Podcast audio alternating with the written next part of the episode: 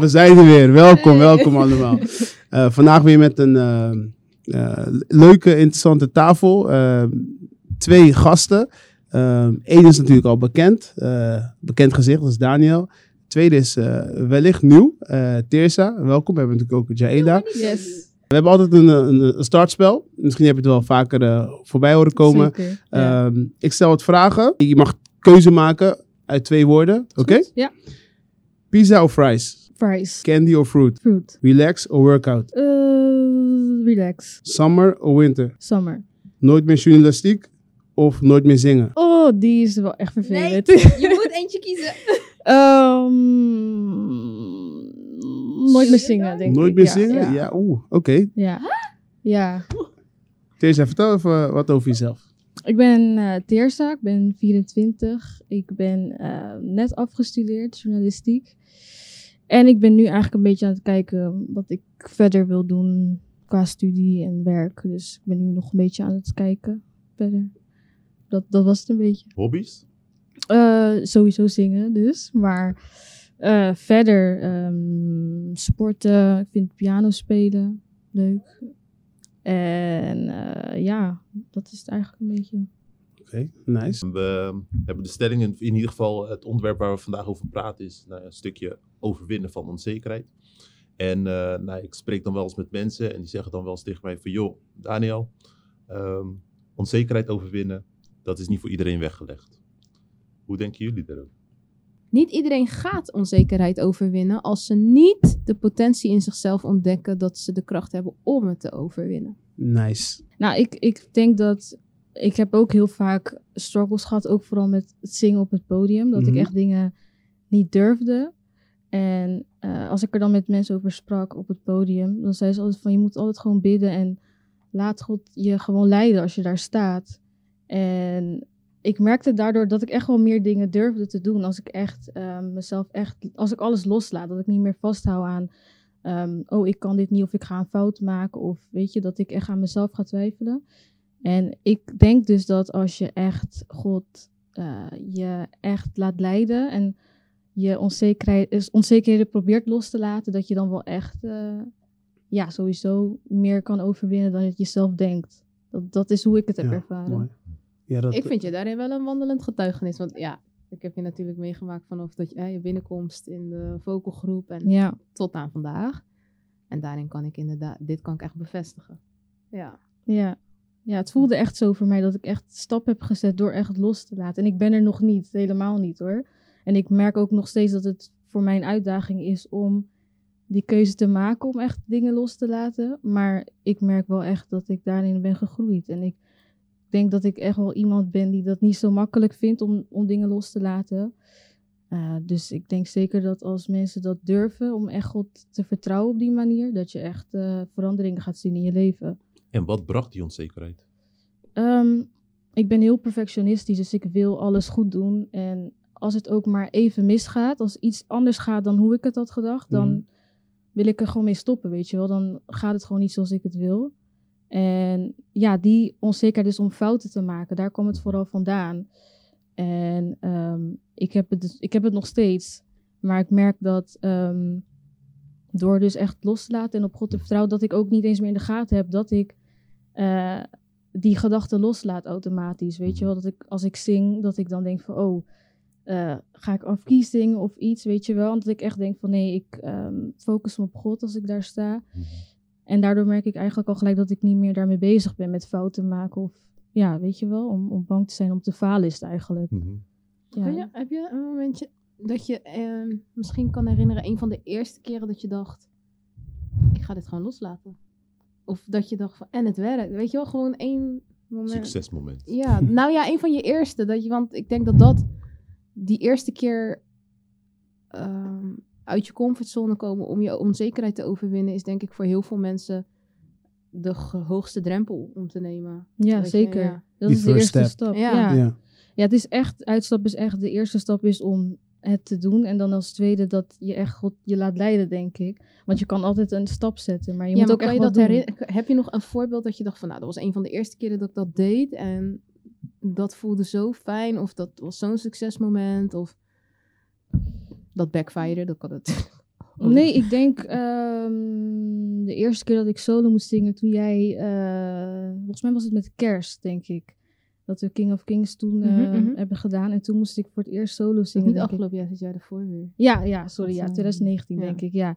Toen moest ik voor het eerst solo zingen. En toen ging ik wel een beetje dood, want ik dacht echt... Een beetje maar. Ja, nee. Ik kon echt niet. En ik was ook echt thuis de hele tijd aan het oefenen. Maar ik merkte echt, dat was echt het eerste moment dat ik dacht van... Oké, ik ga nu gewoon alles loslaten en ik ga gewoon zingen. En dat was echt een succesmoment voor mij om gewoon uit te stappen en eh, om mijn stem ook te laten horen. Dat was voor mij sowieso een ding om, om te zingen voor anderen. Mhm. Eh, dus ja, nee, dat was echt denk ik wel een moment voor mij echt van overwinning. Nice. En, Ja. ja. Eda, ben je wel eens eh, onzeker geweest op het podium? Waarom zeg je geweest? geweest of misschien ben je?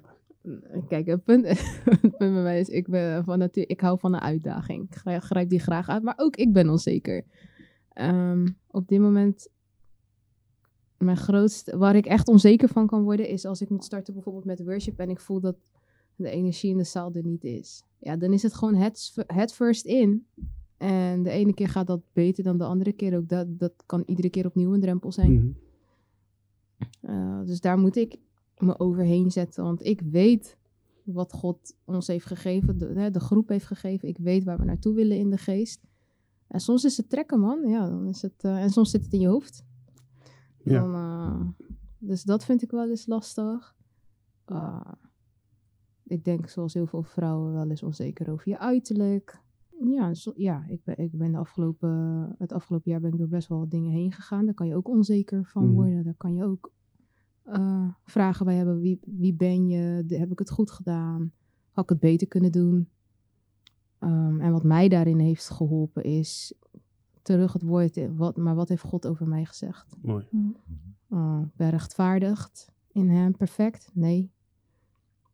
Maar wel, uh, ik ben nog steeds zijn dochter, ik ben nog steeds gezien. Hij houdt nog steeds van me zoals ik ben. Uh, er is ruimte voor groei. Uh, dat heeft mij wel geholpen om anders naar mezelf te kijken. Confronterend naar mezelf te kijken, maar wel goed naar mezelf te Dus je gaat eigenlijk kijken. terug naar wat zegt God over mij? Wie 100. ben ik in Christus? Iedere keer, ja. Eigenlijk wat het is, die onzekerheid is eigenlijk iets wat mm, een aanval doet op je identiteit. Ja. Mhm. Dat is Mhm. eigenlijk wat er gebeurt. Ik, zelfbeeld. hoe je- Hoe je het uh, omschrijft, inderdaad. Ja. En dan is de vraag van, hè, hoe kan je hetgeen wat aanvalt, dat wat je bent, hoe kan je dat draaien? Ja. En daarvan zeg je van, joh, ga altijd terug naar het woord. Ja, ja, ja. ja.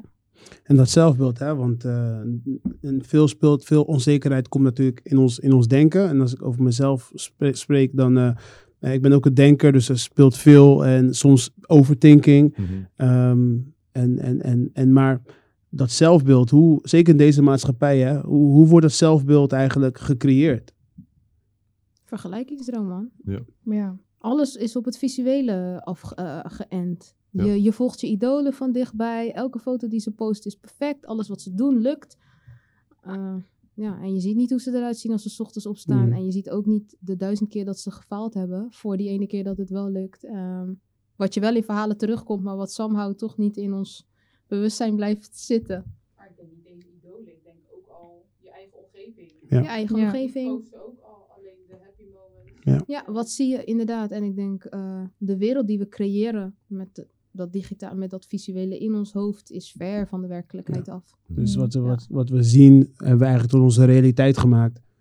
En daar komt ook een stukje onzekerheid vandaan. Mm-hmm. Ja, ik denk ook inderdaad wat je zegt, social media. En uh, ik, heb, ik heb het gevoel dat er echt een drang is om um, zoveel mogelijk te bereiken. En echt om elkaar ook een beetje voorbij te streven. Mm. En ik denk dat, je, dat social media daar sowieso niet bij helpt. Want daar inderdaad deelt iedereen zijn mooie momenten. Mm-hmm. En uh, ik, ik merk dat dat gewoon echt ook onderling. Dat je gewoon echt merkt van mensen proberen ook een beetje te concurreren. En daardoor denk je ook van, oh, ik moet ook meegaan Mm-hmm. daarin. Dus dat ik denk dat dat ook uh, wel een grote rol speelt, inderdaad, je omgeving. Ja. Kan, en als we die stelling hebben, Daan, die je net dropte. Mm-hmm. Wat denk jij? Kan iedereen uh, onzekerheden overwinnen? Ik denk oprecht dat iedereen de potentie heeft om onzekerheid te overwinnen. Hm. Maar ik denk wat Ela zegt, niet iedereen zal het overwinnen. Hm. En dat heeft enerzijds te maken met een bepaald denkbeeld wat je of van jezelf hebt, of wat misschien op je af wordt gevuurd. En de vraag ehm, of je de- juiste tools hebt om dat te overwinnen.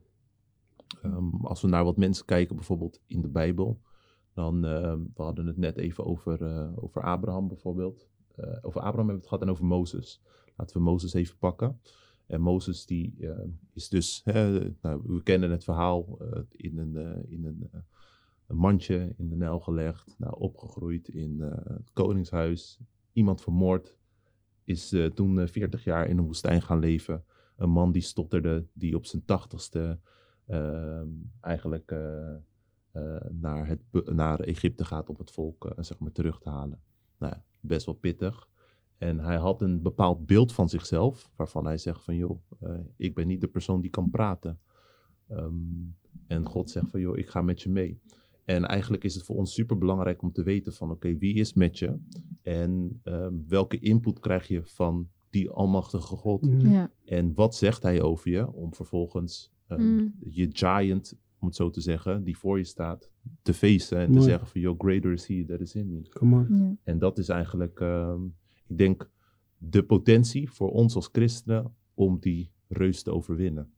Hm. En dat geldt voor het ehm, fysieke. Als ik naar mezelf kijk, dan eh, had ik het hè, met drummen. Op het moment dat je dan een solo moet geven, dan weet je van, oh, die zaal is vol. Ja, en dan denk je, toch? oh, wat gaat er gebeuren? Ja. Als ik hem maar niet uh, mis zit of zo, weet je. Mhm. Um, maar op een gegeven moment dan, uh, ik heb gezegd van, joh, ik ben een worship drummer. Dus of er nou niemand in de zaal zit, of de hele zaal zit vol, het maakt niet uit, ik aanbid God. Mooi. En dat is wat ik doe op mijn drum.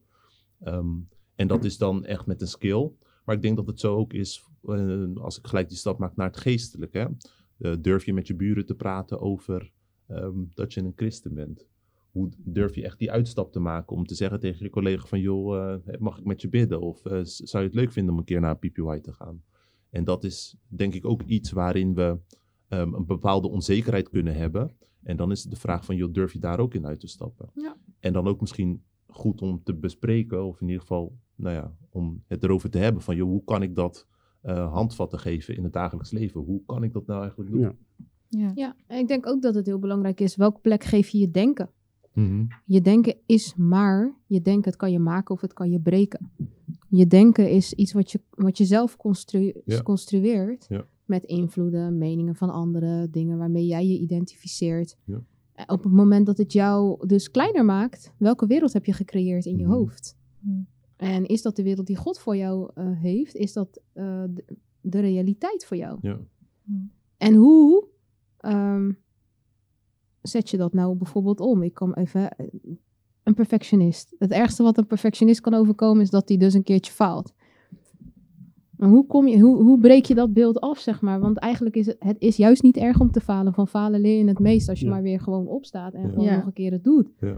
Maar hoe breek je dat beeld af en hoe bouw je het juiste beeld op? Mm-hmm. Ik denk dat eh, wat mij enorm helpt, is gewoon tot jezelf praten. Gewoon. Mm-hmm. Als je bij jezelf merkt, wat ik zei, als ik te veel in mijn hoofd zit, ehm, gewoon echt, oké, dat ik dus eerst een stukje eh, herkennen. Ik denk dat het heel erg belangrijk is Ja. dat je Ja. eh, situaties bij jezelf herkent en ook erkent dat je daarmee moet stoppen. Mm-hmm. Ehm, en dan praat ik goed op mezelf en dan zeg ik, spreek ik gewoon bepaalde woorden over mezelf uit. Gewoon wat God over mij heeft gezegd. En dat helpt mij om eh, ehm, zaken weer gewoon in Gods handen te leggen. Want ehm, soms dan denk je zo over dingen na. En als je het gewoon laat gaan, dan zie je gewoon dat iets floot. Mm-hmm. En ehm, we zijn heel erg geneigd om zaken in eigen hand te houden. Ehm, maar God heeft, ons, heeft soms andere plannen met ons, andere plannen met bepaalde situaties. Mm-hmm. En eh, dat heeft mij wel echt enorm eh, geholpen. Dat is eigenlijk dat ik gezien heb, succesbeleving heb ervaren in het loslaten. Misschien wat jij ook zei net, Tirza. Eh, jij net ook, Daniel. Hè? Succesbeleving in het loslaten van Heer, ik vertrouw u. Ja. En dat is een stap. Ja. Ja. dat is een geloofstap. Ja. Ja. Ja. Dat is echt de belangrijkste stap eigenlijk ook, inderdaad. Om gewoon eh, te beseffen wat jij ook zegt. Het moet, je moet het ook eerst herkennen, want je kan doorgaan met iets en het niet doorhebben. Mm-hmm. Maar eh, het beseffen en ook daadwerkelijk eh, doen, dat is echt, wat, dat is echt wat, wat de meeste mensen denk ik als een uitdaging zien. Ja. En Mhm. eh, ja, zeker niet makkelijk, nee. En Ja. een stukje nuchter denken. Ja, ik denk het Ja. ook. Want je, je, je, het zijn toch denkbeelden hè, die Ja. je hebt. En een, een denkbeeld, ja, je zou het kunnen zien als een feit, als een gebeurtenis. Mhm. En een gebeurtenis, ja, is een gebeurtenis. Is iets wat er gebeurt, zeg maar, in je hoofd in dit geval, weet je wel. En daar, dat kan je, als het goed is, ja, en dat klinkt misschien heel simpel en makkelijk, maar wel omdenken. Dus op het moment dat je een gebeurtenis hebt, kan je er iets tegenover zetten. En ik denk dat het daarom ook super belangrijk is ehm, om in ieder geval te weten wat God over je zegt. Ja, mooi. Ehm, mental health. Mental health is een, eh, een belangrijk, eh, belangrijk thema, belangrijk issue ook. eh, steeds belangrijk wordend ehm, in, in, in onze maatschappij. Als je Mhm. ook kijkt voor, voor, voor jongeren. Ik ook als man zijnde ehm, is ook weer van, nu is het ook weer er meer ruimte om te praten over eh, hoe je voelt. Hè? We zijn toch een beetje in een, in een macho cultuur, ik- Surinaamse cultuur. Weet je, een jongen die huilt is een bobbel. Ja. Snap je? Dus, dus, dus maar oké, ik zie daarin ook verandering. Ik weet niet of jij dat ook zo ervaart daar, maar Nee. ik, zie daar, ik zie daarin ook verandering. Maar wat doen jullie nou om die, ook in deze tijd van COVID, om die mental health, om je, om je mind in balans te houden? Ehm, nee, ik heb gemerkt dat je, ja, ik luister veel, of ik kijk in ieder geval naar de diensten. Mhm. Dat is eh, denk ik één. Ik luister naar podcast om eh, nou ja, dat gewoon wel op gang te houden. En ik eh, lees, ik lees de Bijbel. Je, je bent gewoon bezig met lezen, Gods woord. Ja. Wat zegt het? Ehm, wat zijn dingen die mij aanspreken? Eh, eh, nou, dat eigenlijk. Dat, Ja. eh, om je nou ja, gewoon in ieder geval goed te houden, weet je wel. Zeker super focus op het woord. Want Mhm. het zijn hele onzekere tijden. Je weet gewoon niet wat morgen brengt. Mhm. Weet je nooit. Maar zeker als dan blijkt dat alles wat zeker is ook niet zo zeker is. Zoals gewoon normaal naar je werk gaan of zo. Dan, dan is God je enige houvast. Ja. Dus dat stukje. Maar ook je voeding. Ze proberen te sporten. Inderdaad voldoende naar buiten te gaan. eh, een keertje lezen. En voor jezelf ook een manier vinden van waar ontlaat je nou het beste op. En, eh, Ja. en goed op. Eh, Ja. ja. Maar ik zeg dat wel van, zeg maar, echt het lezen en alles. Dus maar ik, ja, ik was echt met het geestelijke bezig. Maar ik merk ook dat het super belangrijk is om rust te nemen. Ja. Want zeker wat je nu met thuiswerken ja, Ja, merkt, is dat je eigenlijk continu blijft doorgaan. Ja. Want er is geen door. stop. je, je staat om, eh, je begint om acht uur misschien, ik, soms iets later. Maar je gaat dan hè, half negen, kwart voor negen begin je en je gaat gewoon door tot zeven, Ja. acht, negen en dan ga je slapen en dan is de volgende dag precies Ja. hetzelfde. Ja. En dat eh, is wel super belangrijk om die rust ook te nemen, Ja. gewoon die ontspanning. Dat merk ik ook. Ja, Ik merk voor mij mezelf ook dat ik heel veel sociale contact heb je natuurlijk niet meer. Mhm. Dus ik probeer wel gewoon om eh, met iedereen eh, af en toe te bellen en veel te praten. Want dat helpt voor mij dan, in mijn geval. Eh, met heel vaak dingen verwerken. Of als ik te- met heel veel dingen zit, eh, toch iemand te bellen. Weet je wel, elkaar toch nog op te zoeken. Dan niet fysiek, maar wel via Zoom of iets. Weet je wel, dat je dan toch nog probeert om die binding te houden met, Ja. met anderen, met familie of met vrienden. En dat helpt mij ook om eh, alles een plek te geven wat er Mhm. nu gebeurt. Door echt te blijven praten met anderen. ja, mooi. Ja. Ja, voor mij is het ook echt dingen te blijven doen die ik leuk vind om te doen. Ja. En ook eh, genoeg momenten voor mezelf. Elke dag eh, wil ik die momenten inplannen. Of het nou naar buiten is, of nou lezen, of gewoon relaxen. Ehm, waar ik gewoon niet meer tegen kan, is dat je geleefd wordt. Dat Ja. je dag zo druk is, Ja. dat je gewoon niet meer toekomt aan de dingen die je zelf wil doen. Ja. Dus voor mij is het heel erg belangrijk om mijn agenda eh, gewoon in balans te houden. En ook inderdaad ook voor voldoende eh, ontspanning te zorgen. Ja. Want anders ga je inderdaad echt maar door, door, door. Ehm, dus dat is voor mij erg belangrijk geweest om, om, om die mental health eh, te checken. En ook eh, voor mij is het ook erg belangrijk om ook gewoon te praten over hoe ik mij voel. Hm. Ehm, want ja, zoals ik net ook maakte een beetje grappende wijze over, maar ik geloof dat het heel erg goed is om ook ehm, daarin ook stappen te zetten, zeg maar. Ja, Want als je, als je dat allemaal voor je houdt, en ik denk als, ja, als man zijn heb je misschien al een hogere mate van verantwoordelijkheidsgevoel. Ja. Eh, denk misschien Daan ook, hè, als getrouwde, getrouwde man, eh, vanuit hè, christelijk oogpunt, komt ook bepaalde verantwoordelijkheid eh, Ja. met zich mee als man zijnde. We have Ehm, them too, ladies. We have them too. Gelijk weer vergelijken, maar snap je? Dat was gewoon ook misschien ook gewoon credits naar Daan, hoe die, het- hoe die het rokt, snap je? Maar ik denk dat het ook belangrijk is, is om, om, om daarover eh, te blijven praten. Zeker. Nee, ik heb ook een vraag voor jullie eigenlijk. Hebben jullie nu in deze tijd het gevoel dat je meer van God afstaat? Want dat had ik een beetje in het begin van de coronacrisis. Dat ik eh, zo gefocust was op alles wat er gebeurde in het nieuws en eh, Mhm. alles wat naar buiten kwam. Dat ik eigenlijk merkte dat ik me niet zoveel focuste op God en de, en de Bijbel lezen, omdat ik gewoon meer gefocust was op alles om me heen. Mhm. En eh, hadden jullie dat ook en in het begin, of hebben jullie dat soms nog steeds, dat je een beetje merkt dat je begint, dat je een beetje afglijdt en merkt van, oh, ik moet weer terug naar God? Wat Zeker. Ja, Zeker. ik denk dat het een continu proces is, om het zo te zeggen. Tenminste, dat merk ik bij mezelf. Dat er momenten in je leven zijn dat je die superfocus hebt. Dat je weet Mm. van, oké, nu eh, bam, bam, bam. En soms zijn er momenten dat de omstandigheden in je leven je een soort van, hè, een soort van grip op je proberen te krijgen. Hè, er is een deadline die af moet. Er is eh, dit wat gedaan moet worden, of zus. Of eh, je wil je huis verbouwen. Nou, zulke dingen, weet je. Dat zijn allemaal dingen die in één keer op je, op je afkomen. Maar ehm, ja, op het moment, het is belangrijk wat we net zeiden van, joh, er is een bepaald herkenningspunt. eh, dat je Mhm. gewoon moet herkennen van, oké, ik merk nu dit. Ja, Dus ehm, ik weet dat ik dit moet gaan inbouwen. ja, ja. ja. Dat De refocus. En dat was in het begin vooral dus erg in maart, dat ik dacht van, wow, En hoe ga je daar nu mee om? We zijn een jaartje verder. Ja, ja, nu merk ik dat inderdaad wat jij zegt, het is een, weer een reminder van jezelf van weet je, het, er gebeurt van alles, maar juist omdat er van alles gebeurt moet je teruggaan naar God en niet je laten afleiden door alles wat iedereen zegt. Het, is, het kan best wel beangstigend zijn, al die verhalen, weet je wel. En eh, ik merk dus eh, soms nog wel eens dat ik dan denk van, oh, ik heb mijn Bijbel nu weer niet gelezen. Dan merk ik dat ik weer begin af te glijden. En ik pro- probeer nu gewoon elke keer van, zodra ik dat al merk bij mezelf, van Mhm. oké, je gaat de verkeerde kant op Mooi. gelijk weer terug, gelijk Ja. weer terug naar de Bijbel en gelijk weer eh, op opladen Ja, eigenlijk. je zegt is heel mooi. Is dat, dat punt van herkenning, Ja. erkenning Ja. en refocus. Ja, Ja, Ja. heel mooi. Ja. Ik denk ook wel dat het heel wat onzekerheid met zich mee heeft genomen. Voor, als je werk ineens wegvalt, eh, Mhm. je collega's, je sociale contacten, wat blijft er van jou over? Ja. Eh, Ja. Ik denk dat het heel veel mensen wel ertoe heeft aangezet om eens na te denken over ja, wie ben ik nu dan? Ja. Weet je wel? Ja. Als, als, Ja. Zeker in een maatschappij zoals we die kennen in Nederland, we identificeren ons heel vaak met ons werk. Hè, want het is altijd hoe heet je, wat doe je? Ja. Mm. dus, dus blijkbaar hangen we daar dan een identiteit aan, aan wat iemand dan doet. Mhm. Ja, wat, wat, wie ben jij dan? Ja. We hebben natuurlijk onze persoonlijke onzekerheid, maar ergens hebben we natuurlijk ook altijd die geestelijke onzekerheid van Ja. wat, eh, wat als. Ja. Ja, ja pittig hoor. Ik heb ook situaties zodat ik. Soms vind ik ook nog wel lastig hoor. Ja. Ook lastig om te zeggen van. ehm, dus ik, ik, ik, ik spreek dan bijvoorbeeld woorden uit van. Ik geloof dat het goed komt. Zeg maar Mhm. op die manier. Maar soms, ik zeg ook niet altijd van. Nee, kan ik voor je bidden? Of weet je, dat is voor mij vind ik ook nog altijd wel eh, een ding. Ja, dat is ook natuurlijk balans. En vooral ook geleid worden door de geest. Want als je iemand, hé hey joh, ik, ga- ik ga met je bidden, maar je stoot de persoon verder weg. Ja. Kijk, ja, je kan dan zeggen van ik heb het aangeboden en dus mijn pakje aan is, weet je, ik heb mijn verantwoordelijkheid genomen. Ja.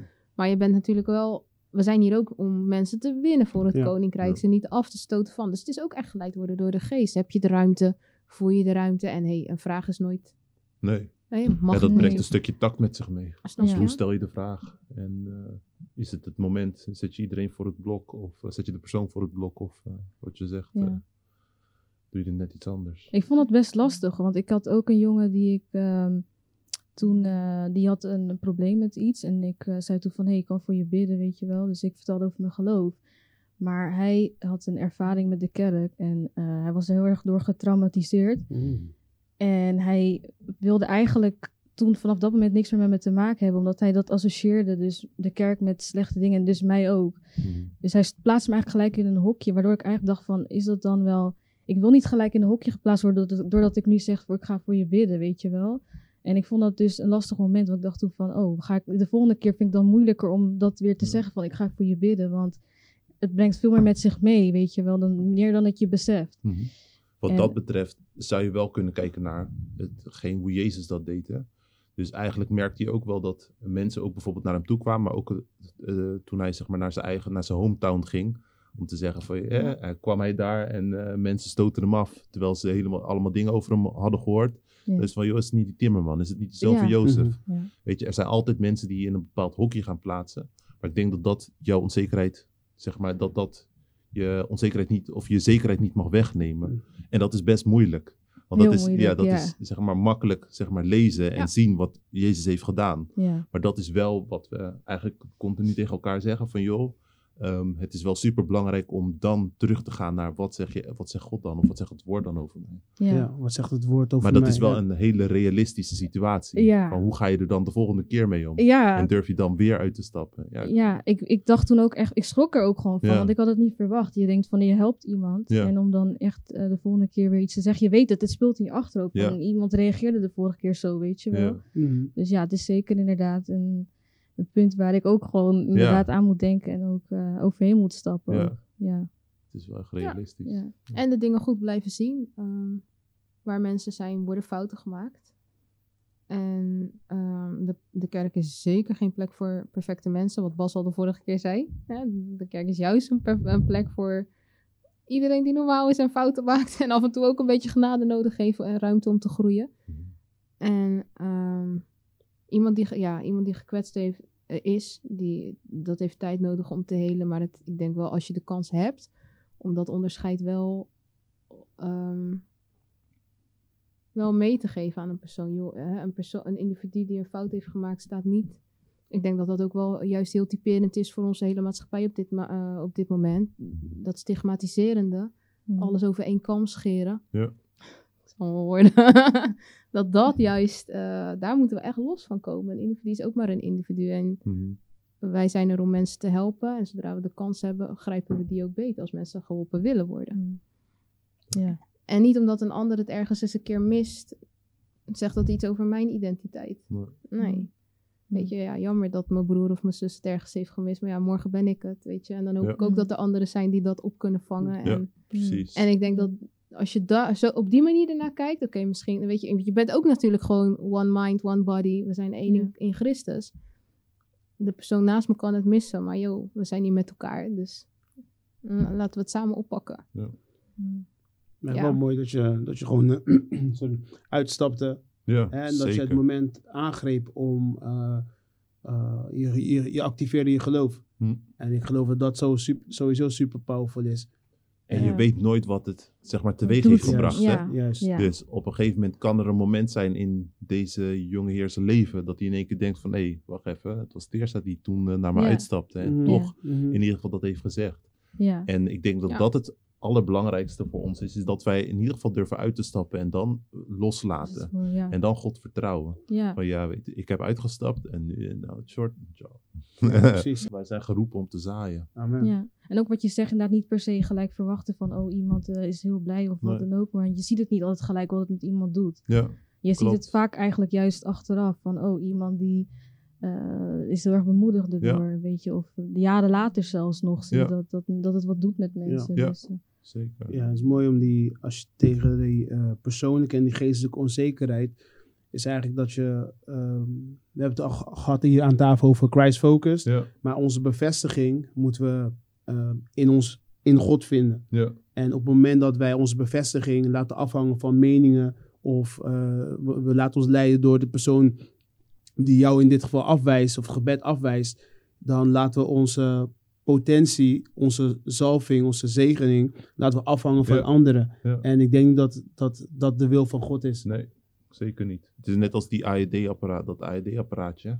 Dat komt, dat probeert iemand te redden. De ene keer gaat het goed en de andere keer is die gewoon... Maar het is nog steeds dat, hetzelfde apparaat wat Ja, ze En gebruiken. het werkt nog steeds. Juist. Het is nog steeds jezelfde geloof.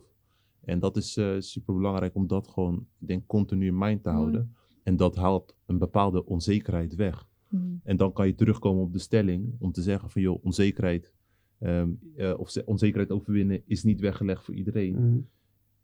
Zeg maar, eigenlijk pertinent gezegd ben ik het er niet mee eens. Gewoon, gewoon ja, nee. Ik Ja. denk dat iedereen onzekerheid kan overwinnen. De vraag is, hoe graag wil je het en welke tools heb je? En wat doe je eraan om die tools gewoon goed in te zetten? Ja. En dat is makkelijk gezegd, maar het is wel mogelijk. Ik wilde nog wat zeggen over ehm, dat dit met wat betreft uitstappen. Ik had ook, ehm, voordat ik begon met journalistiek, had ik God gebeden van moet ik dit echt doen of niet? Mhm. En toen zei mijn moeder van ja, je moet gewoon bidden en God geeft je antwoord. En ik eh, dacht van ja, je moet bidden. Iedereen zegt altijd je moet bidden. En ik dacht, ik ga wel bidden. Maar ik, was, ik heb ook gewoon echt serieus gebeden hoor. Maar het was gewoon meer dat ik dacht van iedereen zegt dat altijd. Maar, maar Nee, oké. En eh, ik zat toen in de middagdienst een keer. En Apostolder zei toen aan het eind van... ga naast iemand staan om voor diegene te bidden. Eh, en dat heb ik toen gedaan. Of tenminste, ik ehm, zat alleen in mijn rij. En er, stond, er stonden drie zusters voor mij. En ik had geen zin om op te staan, want ik had honger. En er was echt heel veel aan de hand. En ik dacht, ik wil gewoon naar huis gaan. Dus toen eh, was er een broeder van de ordendienst. En die deed toen zo van, ga naast die zuster staan. Toen dacht ik, en nu komt die broeder van de ordendienst er ook nog bij. Dus toen voelde ik nog meer die pressure van, ik moet naast u gaan staan om te bidden. Op een gegeven moment toen dacht ik van, nee, ik ga gewoon toch eh, naast hen staan. Dus aan het einde toen eh, zei die zus van, hé, hoe heet je en hoe gaat het en zo. Dus zei ik, goed. Ik zeg, ik ben Teers, heb ik verteld hoe ik heet en zo. En eh, toen zei ik tegen haar van dat ik journalistiek wilde studeren, maar ik wist niet zeker of ik dat wilde doen. En of het Gods plan was. En toen begon ze ineens te huilen. Hmm. Terwijl ik dat aan het vertellen was. En ik schrok heel erg, want ik dacht, heb ik iets verkeerd gezegd? En ik zat ook echt naar haar te kijken van, heb ik iets verkeerd gezegd? En toen zei ze nee, maar ze zei toen, ik ben net klaar met mijn studie journalistiek. En ik ervaar echt dat het God is die je antwoord geeft van, je moet dit echt doen.